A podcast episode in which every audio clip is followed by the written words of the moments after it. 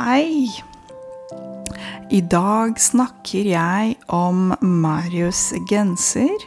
Kanskje Norges mest, Norges mest populære strikkegenser.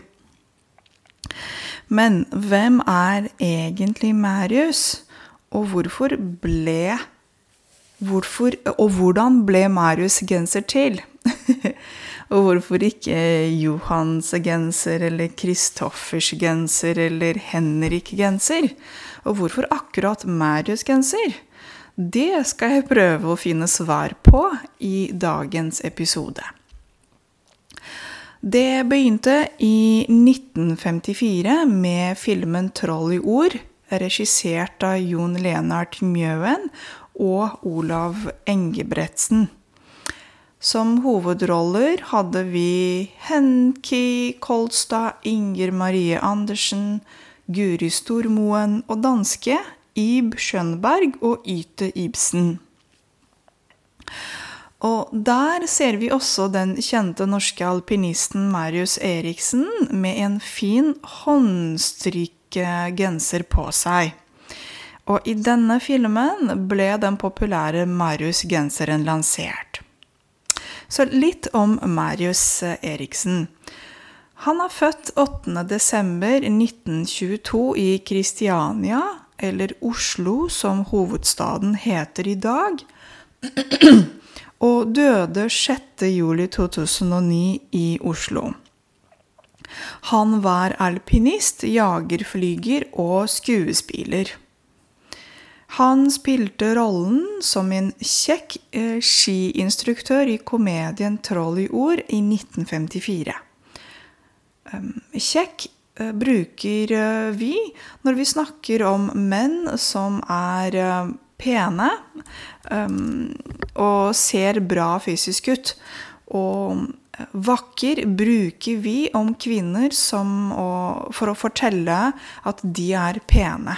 Altså en kjekk mann og ei vakker kvinne.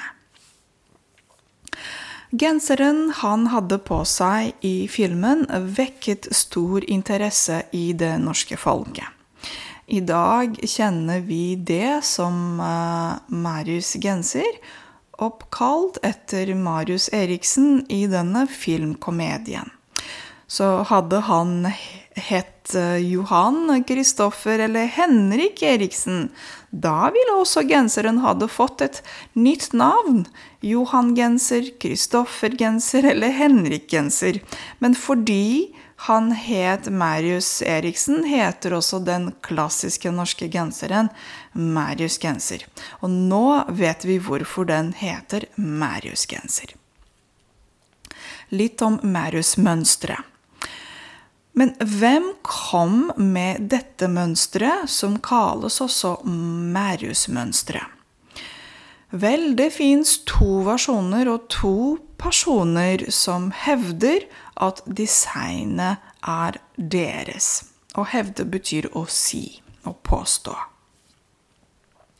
Bitten Eriksen eh, sier at hun hadde strikket sånne strikkemønstre som vist på troll i ord siden 1928 eller 1929. Altså mamma til selve Marius Eriksen. Så denne historien går ut på Biten Eriksen strikket genseren for å gi den til sin sønn Marius Eriksen. Unn Søyland Dale laget en variant av bitens mønster og designet alle de ulike genserne og mønstrene i filmen 'Troll i ord'. Unn Søyland fikk inspirasjon fra Seterdalskofta, men kom med en ny rekkefølge med markante trykk i sort, rødt og hvitt. Farger som miner om det norske flagget.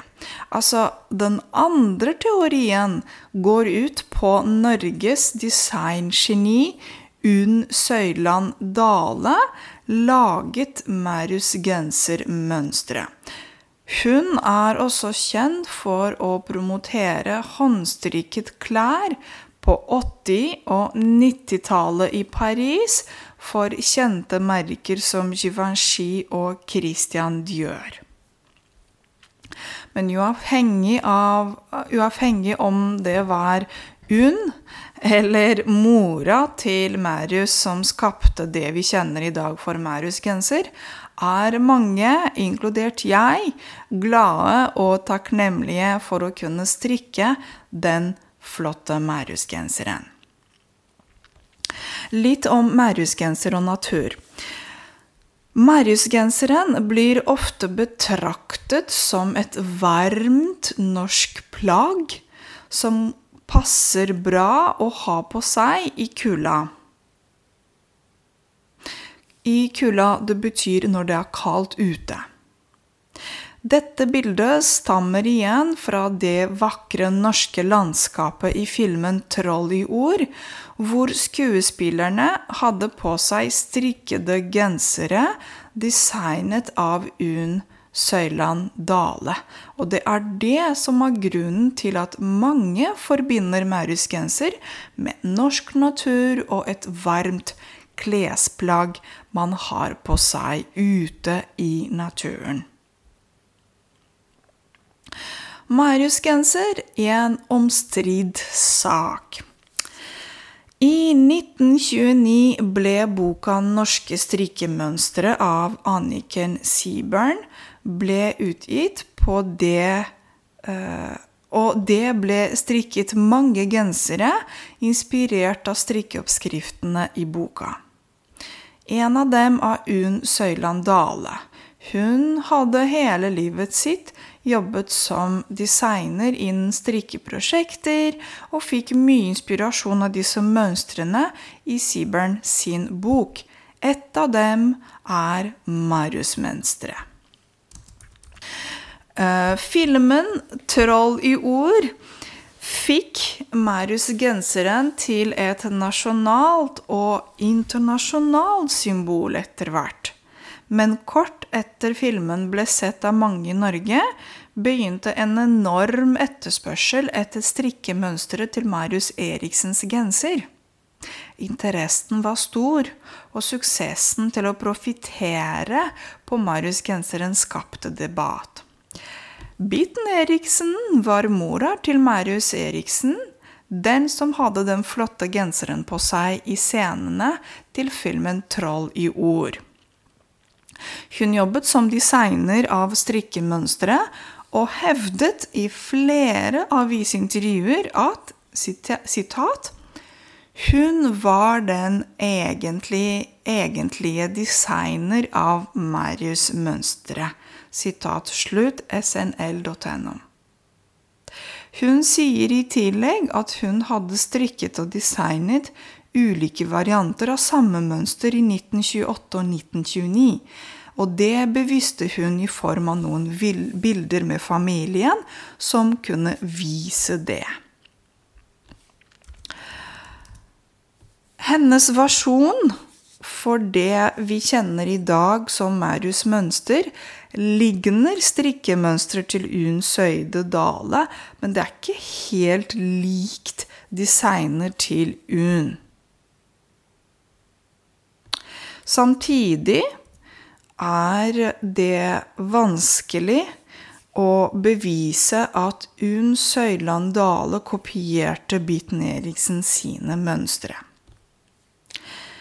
I 1956 solgte Bitten Eriksen et mønster som hun kalte Cortina 2.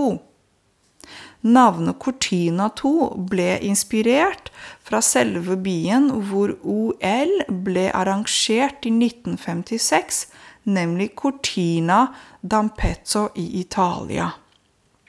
OL betyr olympiske leker. I 1960 åpnet hun en butikk på Slemdal i Oslo og solgte Cortina 2 under navnet uh, Marius, Marius Sweater. Firmaet Lilund AS hadde opphavsrett for salg av Marius gensere, og uenighetene mellom Eriksen og Dale ble beskrevet av journalist Marte Spurkland i Dagens Næringsliv i 2008 som sitat, den bitreste opphavsstriden i norsk designhistorie. Selskapet Lilund AS, som, av, som var eid av Unn eh, Søyland Dale, ble overtatt av dattera si Vigdis Iran Dale.